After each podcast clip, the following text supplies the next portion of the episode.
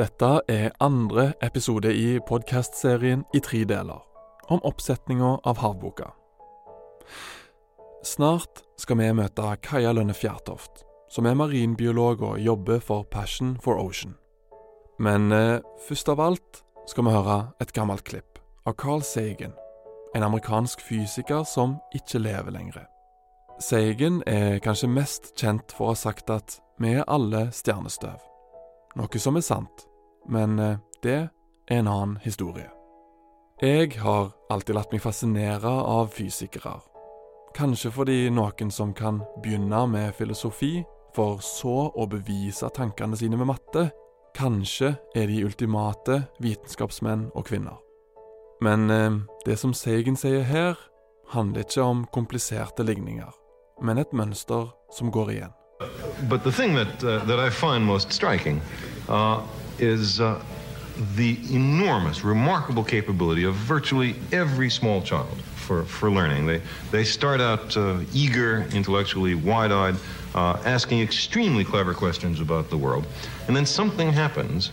Uh, for example, a kid asks, uh, Mommy, why is the grass green? And very often you get a, uh, an answer like, oh, don't ask dumb questions, or who knows, uh, when in fact it's an extremely profound question.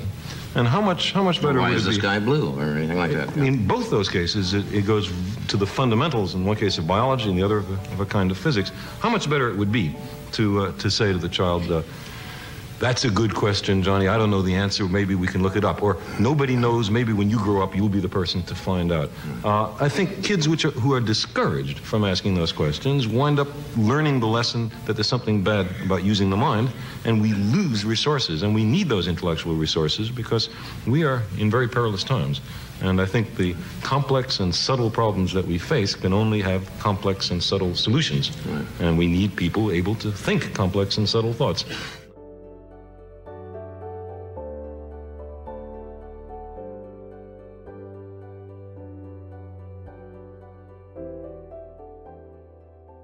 For et par milliarder år siden var hele jorda dekket av vann. Fortsatt utgjør havet mer enn 70% av jordas overflate. Planeten burde ikke hete jorda, den burde hete havet. På engelsk så kaller veldig mange det sånn 'the last frontier', det siste store ukjente. Og at det er en, en del av vår planet som vi kan så veldig lite om. Og vi kan òg veldig lite om ting som òg er kystnært. Um, så det er òg veldig fascinerende at noe som på en måte er så viktig for vår overlevelse, så vet vi så lite om det. Mm. Men, men på ett nivå er det ikke også litt godt at det er ett hjørne av verden som, eh, som ennå er uoppdaga? hvis man skal ta vare på noe, da, så må man ha kunnskap om det for å kunne vite hvordan man skal ta vare på det. Og akkurat nå så har vi ikke nok kunnskap om hvordan jorden vår fungerer, fordi vi ikke har nok kunnskap om hvordan havene fungerer.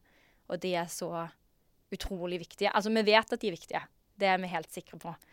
Men hver gang de drar ned på sånne dyphavstokter og ser, så kommer det opp en ny art eller noe nytt spennende. Jeg tror i hvert fall det var i fjor, så var de nede på en sånn eh, undervannsekspedisjon. Så filma de langt, langt en sånn dyphavsrygg, altså en underjordisk eller undervannsfjellkjede. Eh, og så så de noen sånn veldig rare dotter som lå på bånn der. Og så innså de etter en stund at det, em, det var en haug med blekkspruter som lå liksom opp altså med hodet ned og med liksom armene opp. Og så var det sånn Hæ, hvorfor ligger det tusenvis av blekkspruter som ligger der og bare Ja, de lå liksom helt i ro um, på havbunnen. Um, men de lå på en måte i et sterkt sånn mønster. Du kan se for deg kanskje en, en elv som på en måte spriker ut i mange forskjellige bitte små armer. Sånn lå liksom de der blekksprutene i sånne små armer rundt omkring.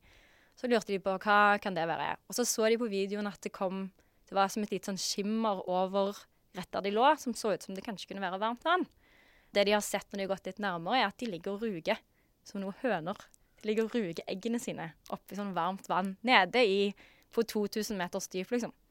Og det er sånne ting for meg som er sånn helt fantastisk spennende å finne ut av, men samtidig um, Det hadde vi ikke peiling på at fantes, men kanskje det er veldig viktig.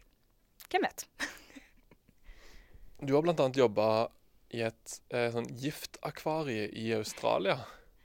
Det er jo en ganske artig jobb å ha hatt. da. Men hva, hva lærte du der? Der lærte jeg um, utrolig mye rart. Jeg oppdaget små maneter på størrelsen med en fingernegl som kan drepe deg på 20 sekunder. Um, og så jobbet jeg med noe som heter kjeglesnegle. Som er en sånn utrolig fin snegle. En typ, et typisk sånn skjell hvis man er i tropene og, og reiser og ser på stranden, at man kanskje ville putta i lommen eller tatt med seg, selv om man ikke burde det, men fordi det er så fint. Um, og det var sånn forskere oppdaget at det skjellet var giftig.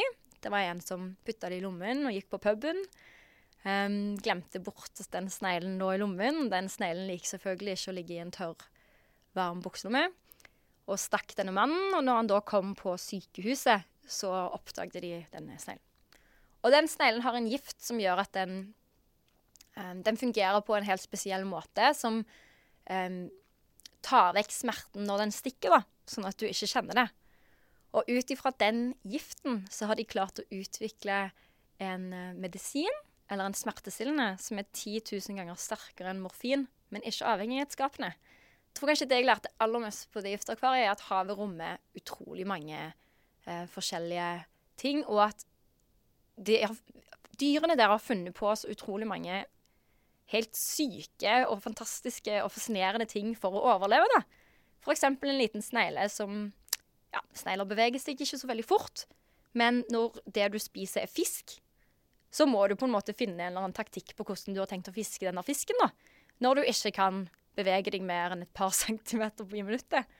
Og da komme opp med en slags sånn harpunteknikk og gift for å da paralysere den fisken på under et sekund. Sånn at du da kan spise den fisken som snegler. ja, men hva tenker du at den historien symboliserer, da? Jeg tenker at den historien symboliserer at eh, man vet aldri hva som er verdifullt og nyttig. Og det er utrolig viktig å eh, forske og finne ut og være nysgjerrig på ting og finne ut hvordan ting fungerer. Fordi man vet på en måte aldri hva som kan være nyttig. Um, og ofte så snakker vi om havet som en økonomisk ressurs. Um, enten om det er med petroleum, eller om det er med fiskeri, akvakultur. Og det er en, en, et viktig aspekt av det. Men det er òg det å um, utforske og oppdage, sånn at man kan finne disse ressursene som vi potensielt kanskje ikke visste noen ting om. Um, ja, jeg vet ikke, Visste du noe om for denne giftige sneglen? At den kunne bli brukt til medisin, eller at vi får medisin fra havet? Nei, jeg har helt ærlig aldri tenkt på det. Og jeg har aldri hørt om sneglen heller. Mm. Som, altså Hvis det fins en liten snegle som har utvikla bedre morfin enn den som vi har mm. Altså, hva, hva, hva mer fins da? Ja. Og en av de jeg synes en av de beste bildene på hvor stort havet er, da, er hvis du, tenker, hvis du tar på en måte alle fjell og alt på land, og så tar du gjennomsnittshøyden av alle landområdene i hele verden, så er den gjennomsnittshøyden på ca. 840 meter. Um, hvis du klarer på en måte å visualisere det. Hvis du går ned i havdypene, eller i havet, og skal ta gjennomsnittsdybden, så er den på 3500 meter, sånn cirka. Og det er ganske vanskelig å se for seg da hvor mye mer plass det er for forskjellige ting der, men havet er det rommer ikke bare liksom 70% av overflaten på jorden, men det har òg så utrolig mye mer plass. Så jeg tror omtrent 99% av, der, av habitater da, der dyr kan leve, det finner man i havet. Og vi har virkelig ikke oppdaga halvparten engang av det som lever der. Hva er nysgjerrighet for deg? Oi, det var et stort spørsmål. Men det er kanskje det som er nysgjerrighet for meg, er at man konstant vil finne ut mer, da, at man lurer på mer, og at man lar seg selv stille de dumme spørsmålene. Og det er òg kanskje noe av det som jeg mener gjør en forsker til en god forsker.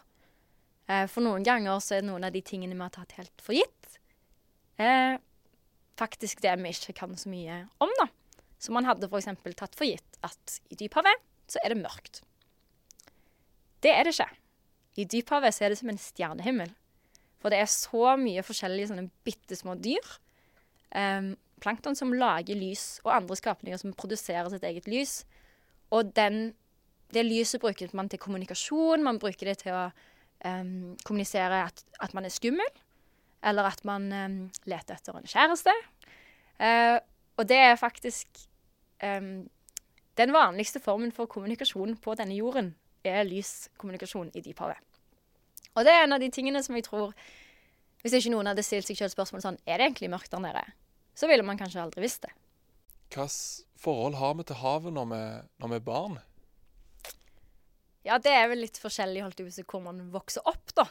Og nå har jeg nevøer og nieser sjøl, og har ligget på brygga med de om somrene og fisket etter krabber og sett på den nysgjerrigheten som de har, da. Um, og det tror jeg at man mister litt når man blir eldre. Man glem, eller man glemmer litt bort det der, den nysgjerrigheten, da. Og den um, At å lære ting trenger ikke å være kjedelig. Det er faktisk veldig spennende. Og å lære med å Nevøen min ja, han vandrer liksom rundt i fjerde, og så plukker han opp noe og sier sånn Hva er dette? Hvorfor, hvorfor det? Hvorfor er det sånn? Og det er kanskje en av de tingene som i voksen alder jeg har vært opptatt på å finne tilbake igjen til, da, er den nysgjerrigheten. Um, så det, det, tror jeg er veldig viktig. Men alle har jo et forskjellig forhold til, bar, til, havet da, når man er barn. Jeg vet ikke hvordan det var for deg, om du hadde noe marinbiologi på skoleplanen, eller husker noe og lært noe om havet? Jeg har nesten ingen minner om, om at de lærte meg om marinbiologi i naturfag, da. Mm. Som, som, det heter da. Jeg har utrolig få minner. Men jeg har um, Det som jeg husker veldig godt når, uh, når, jeg var barn, er at vi drog ut og drog teiner. Og at vi liksom var i båten, og at bølgene skvulpa mot baugen. Og så fikk vi tak i blåsa, da. Mm. Og så etter hvert som jeg ble så var, så var, det jo sånn Jeg var med Faffa. Mm. Så var det sånn Er du sterk nok nå til å dra opp teina? Og det hadde han jo veldig lyst til å vise Faffa. Og så drog han opp, så drog han i denne tauen, da. Så vet du at der nede ligger det et eller annet på bånn. Mm. Og du vet ikke hva som er kommet oppi, og så drar du, og så bare så venter du mm. mens du drar opp. Hva, hva, hva, er det som kommer opp nå ja. denne gangen? Og så eh, Og så var det jo var det jo gjerne krabbe. Mm. Til og med, eller fisk og sjøstjerner som bevegte seg mm. Eh, inni teina. da. Så det, det, er et av de minnene som jeg har om, om havet. At det, mm. at det, er noe på bånn, og du vet aldri hva det er. Men du kan få et lite glimt av det. da. Mm. Men da er en jo i veldig kontakt med nysgjerrigheten sin. Mm. Men når tror du at det endrer seg for oss, da? Jeg tror jo at det endrer seg som så mange andre ting da, i tenårene. Så er det ofte Ja, nå var ikke jeg den kuleste personen på ungdomsskolen, men ofte så, så snur folk seg litt vekk fra de kanskje man ville kalle smånerdete oppfatningene man har, eller ting man er opptatt av. Eh, og da mister man kanskje litt den der da blir det kanskje ikke så kult å være så nysgjerrig på det lenger. Og det er en av de tingene som vi prøver å jobbe veldig med i Passion for. Da, at folk skal få den relasjonen til havet og, og, fortsette å være interessert i det. Og at det er så utrolig mange spennende ting som finnes der på bånn. Um, og, og, jeg tror jo òg at havet har kommet mye høyere opp i, i, samfunnet på agendaen i det siste. da. Det Vi snakker veldig mye mer om havet. Um, og og det blir ofte tatt opp i samfunnsdebatten, og vi, og vi snakker òg om vår relasjon til det. Uh, og det er veldig mange som ender opp med å jobbe med noe som er havrelatert når man blir voksen. Uh, alt ifra Ja, nesten alle fagområder, ikke alle, men veldig mange fagområder kan relatere seg til havet. Og det er òg noe som er veldig opptatt av å formidle at det å jobbe med havet er ikke en biologiting, eller liksom en naturvitenskapelig ting. Men havet um, går inn i så utrolig mange deler av vårt, vårt liv i Norge og samfunnet vårt. da. Og, for eksempel da um, teater, som vi skal ut på turné med nå, med Havboka. Og Havboka for meg det var, har vært min favorittbok helt siden første gang jeg leste den. Jeg um, har gitt den til mange av mine venner i Australia. Snakka om den boken til utrolig mange folk, fordi jeg synes at den boken er en veldig god blanding av liksom myter og fortellinger om havet fra vikingtiden og norrøne guder til um, politiske spørsmål, men òg eh, selvfølgelig marinbiologi. Men òg den der følelsen da, um, med havet. Og jeg tror jo nesten alle i Norge har, selv om man, bo, om man bor eller ikke bor med havet, har et forhold til havet. Um, enten når man syns det er skummelt, uh, og um, man ikke egentlig er så glad i å, og bade fordi man blir litt redd, eller om man er superfascinert, sånn som meg, da, og tilbringer så mye tid som mulig, så har man på en måte alltid en relasjon til havet og, kan, og en historie som fra når man er barn eller fra når man er yngre, som knytter seg til den opplevelsen av havet.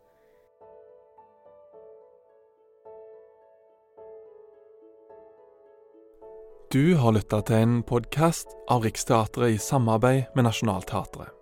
Avboka settes opp over hele landet og spilles til slutt på scenen til Nationaltheatret. Musikken er laga av Joel Salin, og produksjonen er gjort av Lars Christian Øverland for Filt.